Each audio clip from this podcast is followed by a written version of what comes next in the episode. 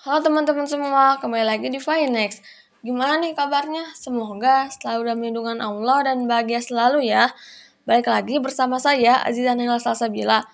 Alhamdulillah, pada kesempatan kali ini aku mau ngasih tahu ke kalian nih, sekalian sharing-sharing tentang uang saku yang cepat habis. Nah, langsung aja kita ke pembahasannya. Di sini terkadang uang saku yang cepat habis terjadi karena banyaknya orang yang lebih membutuhkan keinginan daripada kebutuhan yang sebenarnya. Tapi ada juga kebutuhan yang terlihat sedikit lama-lama akan menjadi besar sehingga mengakibatkan net factor. Nah, net factor ini bisa diartikan sebagai pengeluaran yang terjadi untuk hal-hal yang tidak dibutuhkan, di mana pengeluaran ini pada awalnya terlihat kecil dan dilakukan secara terus-menerus, hingga akhirnya menjadi pengeluaran dalam jumlah yang besar kan?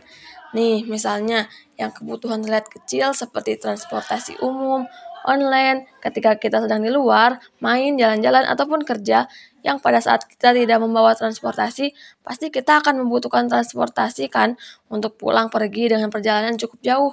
Nah, dengan kasus seperti ini terlihat sedikit, tapi jika terus-menerus dilakukan, akan menjadi pengeluaran yang besar.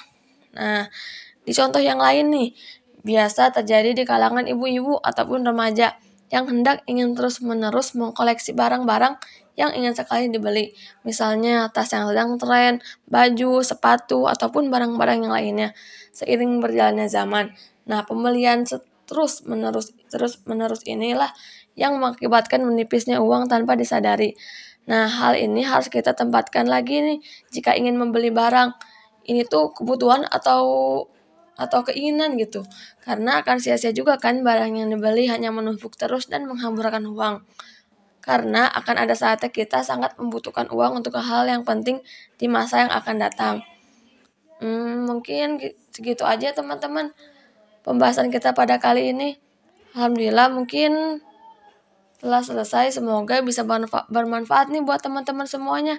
Terima kasih banyak yang sudah mendengarkan podcast pada kali ini. Sampai ketemu lagi di podcast-podcast selanjutnya. Jangan lupa tetap stay tune terus di podcast. Wassalamualaikum warahmatullahi wabarakatuh.